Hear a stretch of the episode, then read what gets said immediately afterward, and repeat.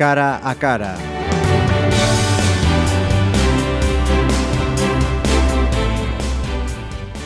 Saludos, eh, atentos a este cara a cara, porque aprovechamos la ocasión que nos brinda el Aula Castelao con la Semana Galega de Filosofía para invitar a este programa a un filósofo y economista de origen colombiano, además, que durante 20 años ha trabajado en la Organización Mundial de la Salud.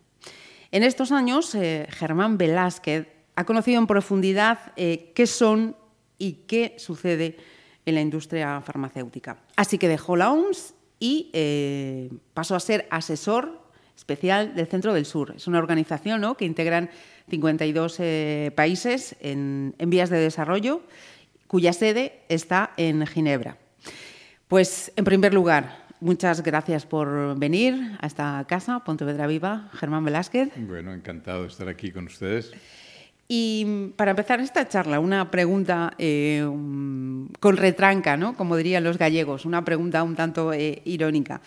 Con lo que has visto, y con tu permiso, decía antes te voy a tutear, eh, con lo que has visto, con lo que has oído, con lo que has conocido y, dicho sobre la industria farmacéutica, ¿nunca te has planteado un guardaespaldas? Bueno, no es que me lo haya planteado. Durante cuatro años que estuve en la OMS, estuve viviendo con un, un guardaespaldas que me acompañaba incluso, fue una cosa bastante compleja complicada de organizar y costosa porque yo viajo mucho, la mitad uh -huh. del tiempo mío la paso viajando y tenía que viajar o con el guardaespaldas o en el, en el aeropuerto donde estaba llegando, si fuera Indonesia o Vietnam, me estaba esperando un agente de seguridad de Naciones uh -huh. Unidas, de manera que no es que me lo haya planteado. Es que ya pasó por esa tuve, experiencia. Tuve que pasar por la experiencia. Yo al principio re, me resistí mucho, pero después me asusté. Mm. Tenía, mis hijos cuatro estaban pequeños en aquella época y entonces me, me asusté que las intimidaciones que yo estaba recibiendo fueran a pasar al nivel de mi familia. Entonces por eso... Uh -huh. Eh, tuve que vivir. De manera que la retranca, Caramba. dicen ustedes, no, la retranca fue realidad. Me resultó verdad. Uh -huh. Eh, uno de los puntos de partida para quienes nos estén escuchando y con la intención de que mmm, conozcan esta, esta realidad que, que, que, tenemos y en la que vivimos. Para la industria farmacéutica, Germán, lo primero es ganar dinero, luego tratar enfermedades y finalmente intentar curar enfermedades. Bueno, desafortunadamente, hoy en día la situación es más o menos como tú lo planteas.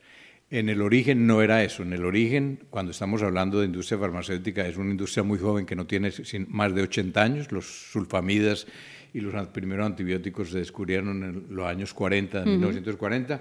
Y al inicio eran medicamentos que estaban destinados a curar la gente, a salvarlos de, de la muerte o, o conservarles la salud. Eh, muy rápidamente esto se vio que era una, un negocio extraordinario y yo creo que hoy en día no es una exageración afirmar que es una empresa financiera ante todo y que eh, como segundo objetivo puede tratar y, y curar y digamos tratar más. Uh -huh. Es interesante pensar que hasta hace unos 25 años los medicamentos curaban en los últimos 30 eh, años, el 90% de los medicamentos que se ponen en el mercado son medicamentos para tratar, que desde el punto de vista de comercio es mucho más rentable porque uno mantiene su cliente por el resto uh -huh. de la vida en muchas enfermedades, hipertensión, diabetes, HIV, en, en, en VIH de manera que es, es, es, muy interesante la óptica. Y son grandes monstruos financieros que están cotizando en la bolsa, de manera uh -huh. que lo, los primeros a los cuales ellos tienen que responder no es el enfermo, es el accionista, que uh -huh. está vigilando que haya em, beneficios y buenos beneficios. Claro, estamos hablando, eh, creo que usted lo señaló en alguna ponencia o conferencia o algún artículo que he leído, la, la tercera industria del mundo. Bueno, eh, eso, si lo en un artículo, ha cambiado recientemente porque preparando la conferencia que voy a dar uh -huh. esta noche, hoy en día es la primera empresa. La primera. Eh, en los Estados Unidos, la industria farmacéutica de los Estados Unidos tiene un promedio de beneficios del 17%. Cualquiera de las otras industrias, incluido el armamento, incluido los automóviles, incluido la industria financiera, tiene un promedio de 3.1% de beneficios. La industria farmacéutica, 17%. De manera que estamos ante una, una industria que debería estar ligada a la vida de las personas a la cual estamos permitiendo que hagan unos beneficios absolutamente astronómicos, que no sería grave en la medida en que todo el mundo tuviera acceso a medicamentos. Es grave en la medida que están haciendo unos beneficios gigantescos sin tener en cuenta eh, que la gente que no los puede, no tienen acceso, pueden morirse y se están muriendo, mejor dicho. No es Con lo cual aquí eso de la ética de la rentabilidad, cero. Totalmente cero.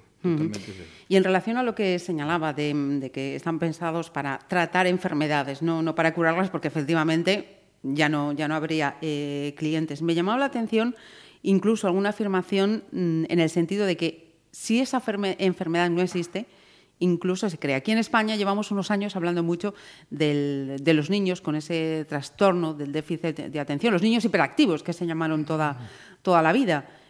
Sería un ejemplo de, eso que, que, estaba señalando. Claro, claro. hay muchas situaciones normales de la vida que se convirtieron en enfermedades para las cuales se fabrican medicamentos. Hoy en día la niñez, la adolescencia, la infancia, si estás encinta, si vas a parir, si estás amamantando, si tienes una depresión, si tienes un luto, todos esas son situaciones normales de la vida que se medicalizaron y para las cuales existen medicamentos.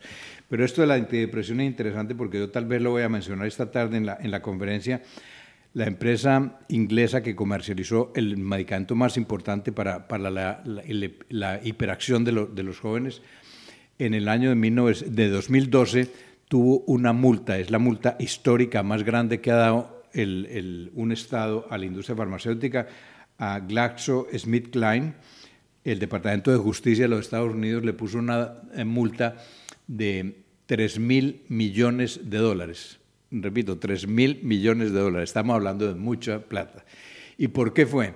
Porque un medicamento para, para la, la, hiperactividad lo había autorizado la, la, Food and Drug Administration, que es el organismo que autoriza eh, la puesta en el mercado de medicamentos en los Estados Unidos, únicamente para adultos.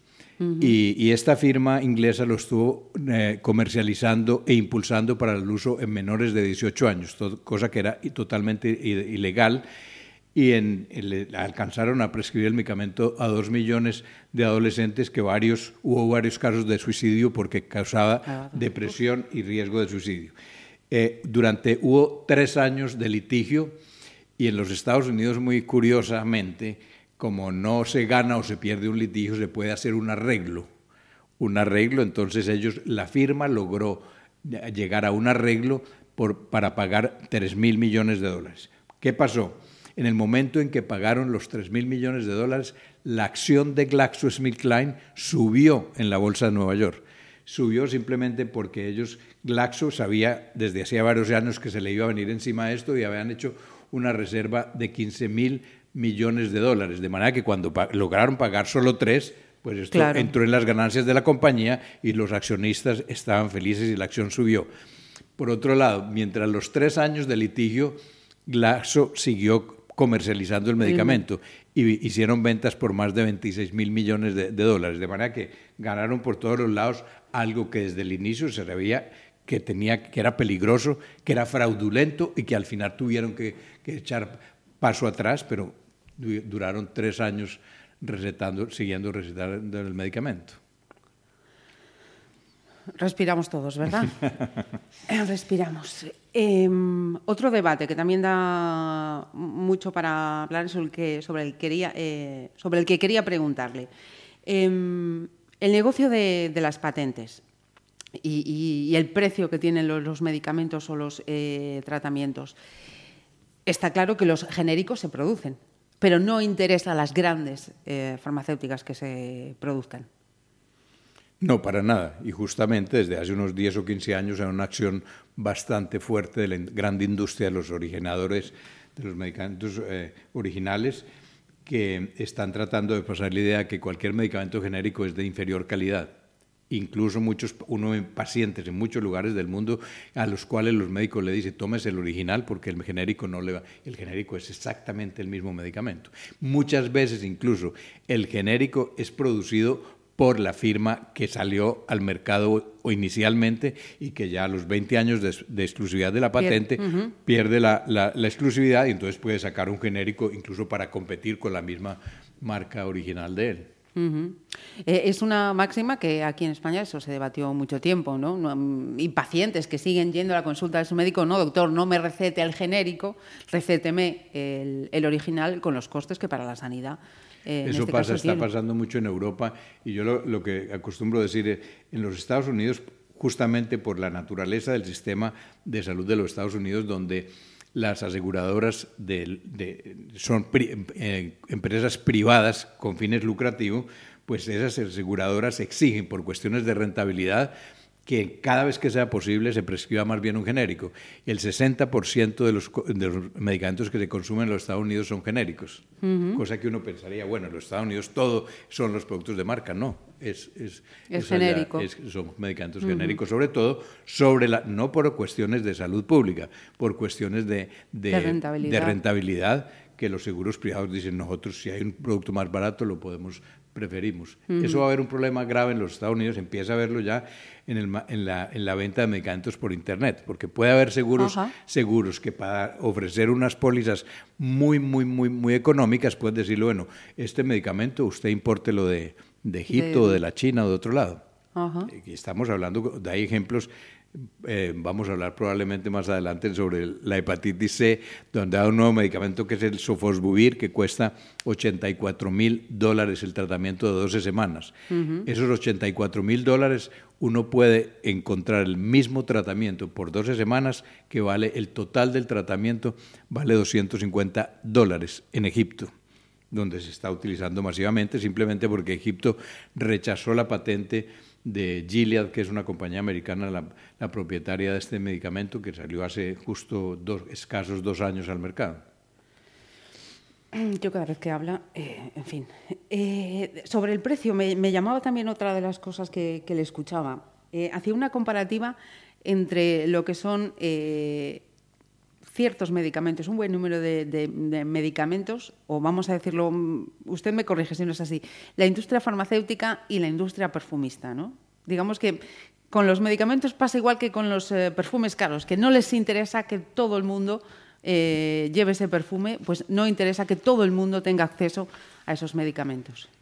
Ya, empiezo a sospechar que hay un servicio de espionaje porque usted me, leyó en mi presentación. No, no, le prometo que no. Yo esta, esta noche tenía pensado presentar la, la, fotografía de un perfume que existe en el mercado que se llama The Imperial Majesty Perfume.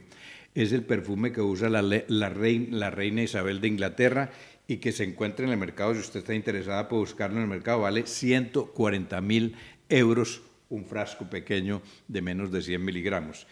Eh, eso es lo que, lo que, eso es lo que está pasando un poco en la industria farmacéutica. Evidentemente, este, este, este perfume tiene extracto de 170 rosas, de limón, de vainilla, impregnado en jazmín, no sé qué, no sé qué. Seguramente que el costo no son más de mil dólares.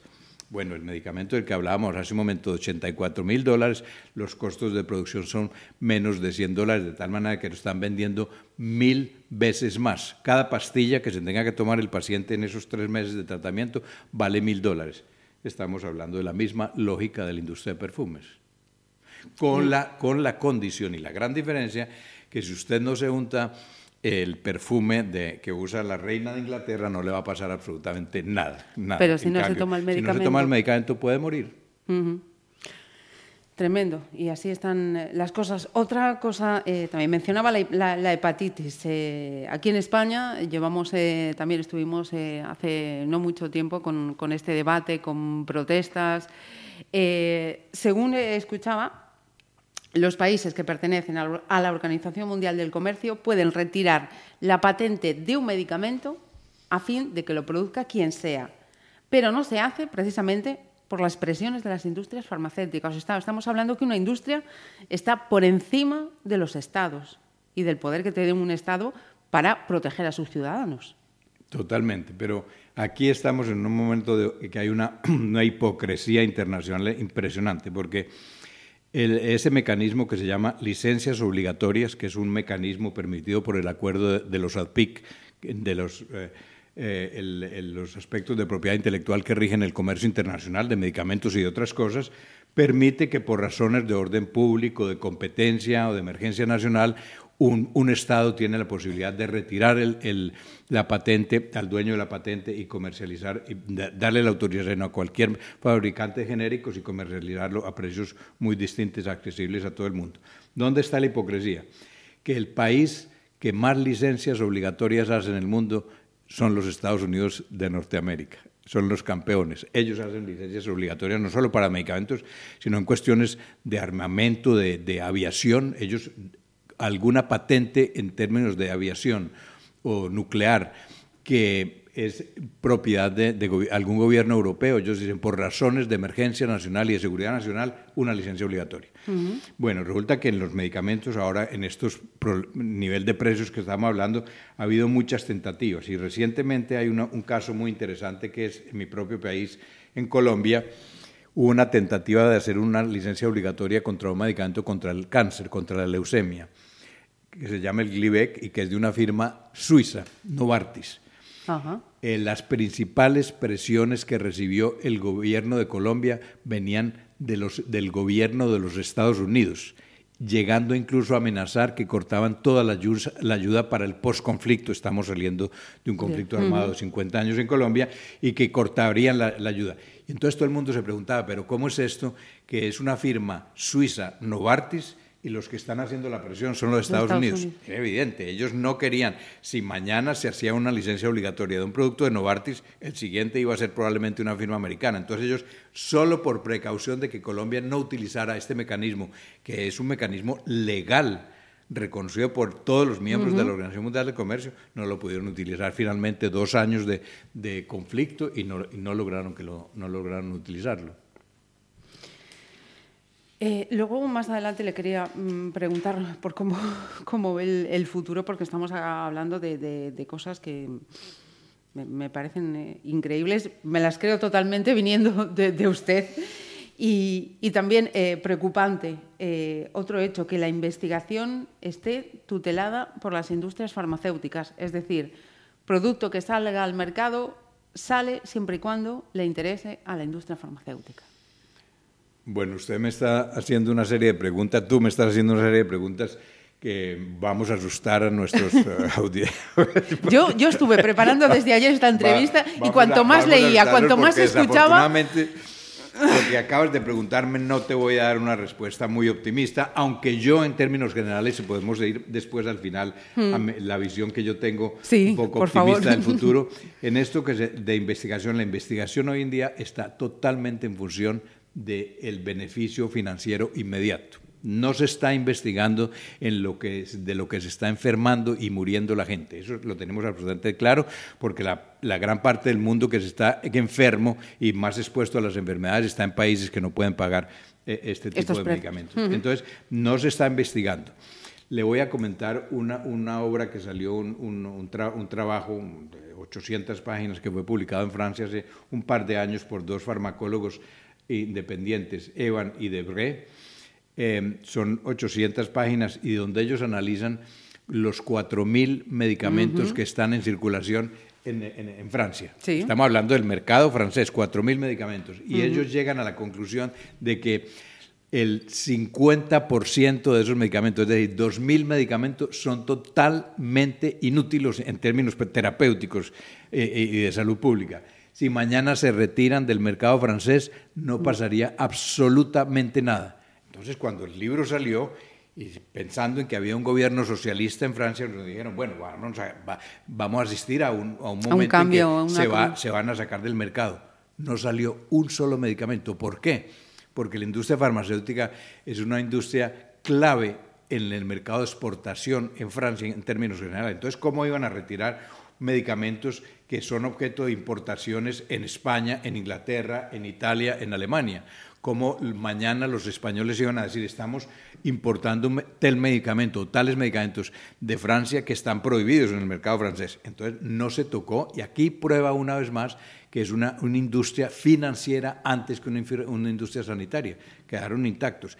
De esos Dice el libro en las conclusiones, este libro de Debré, que se llama el libro de los medicamentos útiles, inútiles y peligrosos, dice que el 50% son inútiles, el 20% son peligrosos y el 5% eh, provocan 100.000 hospitalizaciones por año en Francia, de los cuales hay 20.000 muertos. Hoy en día, en un país como Francia, se mueren 20.000 personas por año a causa de las intoxicaciones con medicamentos.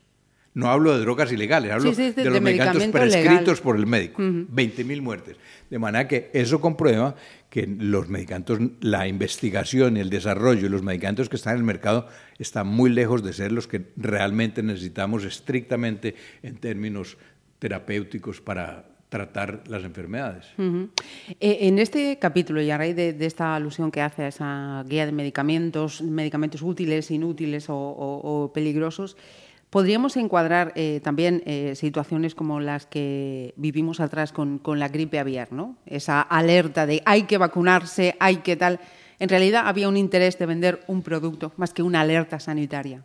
Totalmente, totalmente. Ese caso lo, conozco bastante bien porque yo estaba en ese momento en la OMS, yo asistí a las discusiones que hubo con la industria, no a todas porque no me excluyeron, fueron a puerta cerrada, siendo alto funcionario de la OMS y estando en el gabinete del director general, me dijeron no, no puede entrar, fueron reuniones a puerta cerrada. Eh, estuvo discutiéndose todo lo que, quién iba a fabricar la vacuna para la gripe aviar y se fabricaron como ustedes y los, los, que nos están escuchando pueden recordarlo, se fabricaron millones y millones y millones de vacunas que terminaron en la, en la, en la basura. En Francia, la ministra de Salud aprobó la compra de 94 millones de vacunas. Y en un momento dado, ella fue llamada al Parlamento a que se explicara. Le dijeron, ¿usted por qué compró 90 millones si la población francesa son 60? Y entonces ella respondió, digo, bueno, porque en algún momento pensamos que habría que vacunar dos veces. Y entonces le, interlocutor, le dice el, parlamentario, entonces, ¿por qué no compró 120 millones? De manera que esto fue una cosa sin... Ah, compraron sin ningún criterio. Algunos países compraron para dos veces más de la población. España compró para dos terceras partes de la población, mucho menos, hasta el punto que la ministra de Sanidad en aquella época, creo si no me estoy equivocando, eh, no me equivoco, era Ana Pastor, me decía, si yo no compré, cuando compré menos que Francia, casi me caigo, porque decía, estamos menos protegidos que los franceses. Bueno, hoy en día podemos ver, aunque no, nos han, no han sido muy transparentes, en Francia, de los 94 millones de vacunas que compraron, se utilizaron 6 millones. No sé si ustedes recuerdan que en aquella época salían en los primeros páginas de los periódicos en El País, en Le Monde, decía, los enfermeros de tales hospitales rechazan vacunarse. Decir, personal sanitario diciendo esto no puede servir. el resultado fue que se utilizaron 6 millones. Al inicio el gobierno francés, por ejemplo, dijo, no, vamos a mandarlas de regalo a los países africanos. Muchos ministros de África dijeron, no, no aquí tenemos 40 grados, gripa no nos va a dar, ni estamos con gripa, no nos las manden. ¿Qué pasó? Seguramente que esas vacunas hoy en día ya fueron incineradas, no sabemos ni jamás probablemente lo sabremos cuánto costó el dinero que se despilfarró, lo sabemos muy bien porque cada dosis costaba 10 dólares o 10 euros, que era otro escándalo, porque yo en el momento en cuanto ya me vi con la soga al cuello, Que diciendo que esto se va a ir adelante la fabricación. Yo decía, pónganlo abierto que puedan fabricar genéricos también. Los, genéricos, los fabricantes de genéricos decían, podíamos eh, fabricar la dosis a un dólar. No, fueron cinco compañías que patentaron y vendieron a 10 dólares, 10 veces más. 10 veces más un despilfarro público absolutamente miedoso, con miles de consecuencias potenciales. Y es que como se, se jugó con, con, la vacunación, que es el, el, el, instrumento, el arma más importante que existe en salud pública en el mundo, pueden prevenir una enfermedad como la poliomielitis, aquí en mandar una una incertidumbre sobre, la sobre una vacuna, mucha gente puede generalizar, las vacunas pueden ser malas y pueden ser nocivas y podemos desprestigiar el concepto de la vacunación, que sería una Sí, no, de hecho en España ese debate está abierto. vacunas sí, vacunas no. Está sobre la mesa. Se hizo el mal, el mal está hecho. Y también he leído que, eh, en su opinión, las universidades eh, pueden encontrar soluciones a la falta del acceso a los, a los medicamentos. Pero tal y como vemos que está montado el, sistema, es posible que eh, mantengan su independencia y consigan eh, esa financiación necesaria al margen de las eh, farmacéuticas.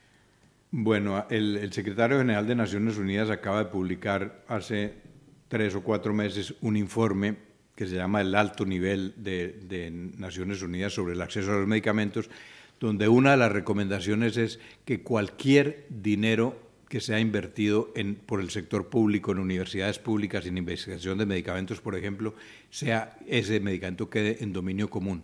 Porque lo que sucede hasta ahora es que muchas universidades, y eso pasa empezando por los Estados Unidos, que hacen investigación con dineros públicos, en la última fase, antes de sacarlo al mercado, lo, venden o lo entregan un, por unas royalties, por unas, eh, o, venden la, la, molécula, ellos lo patentan y tiene, se les da una exclusividad de 20 años disque para recuperar la inversión cuando la inversión fue paga ya con dineros públicos, de tal manera que el medicamento que salga al mercado será pago dos veces. Primero con los impuestos de los ciudadanos, que es el dinero público que se invirtió en las universidades, y después con una, una exclusividad de comercialización que le permitiría acumular al, al, fabricante un dinero que él nunca invirtió.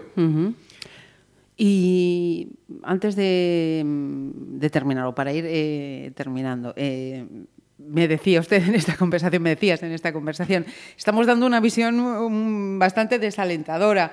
Eh, para Germán Velázquez, todo esto que estamos comentando en este rato de, charla, ¿es posible cambiarlo? ¿Vamos a conseguirle darle una vuelta, que se produzca ese acceso a, a, los medicamentos y que esta industria no ejerza tanto poder sobre todo? Bueno, a pesar de ser una, una lucha eh, de David contra Goliat, como dice un amigo mío en Colombia, no todas las batallas las perdemos, ni todas las batallas las hemos perdido, de manera que ha habido progresos muy, muy importantes.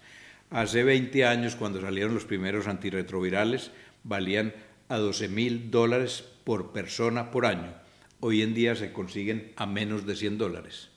En esa época, hace 20 años, había 250 mil personas en África en tratamiento. Hoy en día hay 15 millones de personas. 15 millones de, vidas que se han salvado, porque pueden tomar, están tomando antirretrovirales hace 10 años y podrán tomar. De manera que hemos, hemos, hemos avanzado, hemos progresado. Ahora, lo que nos queda por delante es muy fuerte. Hace 20 años, otra vez, con este ejemplo, nos estaban vendiendo, nos querían vender, y nos lo vendieron muchísimos años, un medicamento 100 veces más del costo. Hoy en día, el sobrevivir, si hacemos el cálculo muy fácil, están vendiéndolo 1.400 veces más del costo de producción. El sofosbuvir a 84 mil dólares. De manera que, pero, pero yo creo que lo que están haciendo, lo que estamos haciendo esta tarde aquí nosotros, o mañana o tarde, según a la hora que, vaya a salir el programa, eh, es, es, es, una prueba de los avances, porque estos son temas que están discutiendo el, público en general, que se entiende, que se sabe cuáles son los actores, que la gente está entrando en, en una posición mucho, mucho, mucho más, más crítica, más reflexiva. Es muy, muy, muy común, muy común hoy en día que cualquier paciente que va a donde un médico y le prescriben un medicamento, él dice, ¿por qué? ¿Y qué es esto? ¿Y qué es lo que me estoy tomando? Y, se pregunte y lea y diga incluso, no me lo tomo por esta, porque las reacciones secundarias son superiores a los posibles beneficios. De tal manera que en este momento tenemos la sociedad en general como actores y no, y no el, en mano de un pequeño grupo poco transparente que tomaba las decisiones. Hoy en día yo creo, y hoy en día uno se, se da cuenta, incluido aquí en, en, España, yo me di cuenta que esto de la hepatitis C, por ejemplo, hubo asociaciones no gubernamentales que estuvieron yendo antes de las elecciones, las primeras antes de todo el impasse que demoró las elecciones, fueron de partido a partido a preguntarle cuál era el programa de su partido para el acceso a medicamentos y concretamente el soforbuir. De manera que esto se está volviendo en unos temas de campaña y de debate político. Lo mismo en Francia. En Francia, desde hace 15 años, el, el principal tema de, de, de campaña en una elección presidencial es primero, conflicto de Medio Oriente, cuál es la política exterior, hay un día con, el terrorismo, cuál es la, política exterior de Francia, y segundo, cómo va a solucionar el déficit de la seguridad social, que es absolutamente astronómico. Entonces, son temas de campaña donde los políticos tienen que hacer promesas y con alguna suerte pues las cumplirán alguna vez. Eso es optimismo, que las promesas de los políticos. Germán Velázquez, de verdad que un placer tener una persona de, de, su talla aquí en estos micrófonos. Muchísimas, muchísimas gracias. Gracias, fue muy simpático y agradable conversar con ustedes.